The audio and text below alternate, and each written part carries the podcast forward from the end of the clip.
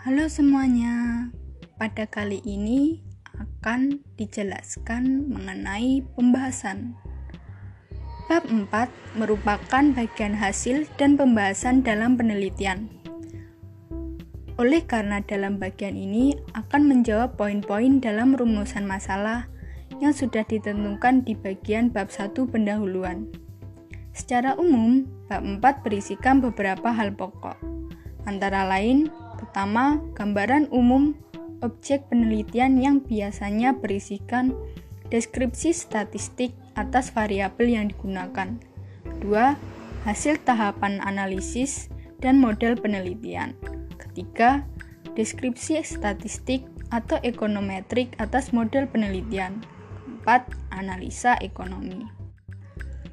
Oleh karena dalam penulisan bab 4 akan banyak menggunakan visualisasi berupa grafik, tabel, dan flowchart, maka penulis harus mampu menyajikan informasi tersebut dengan baik dengan mempertimbangkan beberapa aspek penting antara lain pertama yaitu grafik.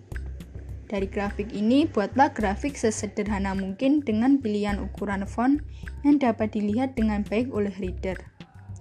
Untuk menjelaskan grafik, ada tiga hal yang harus diinformasikan. Pertama, judul grafik secara lengkap.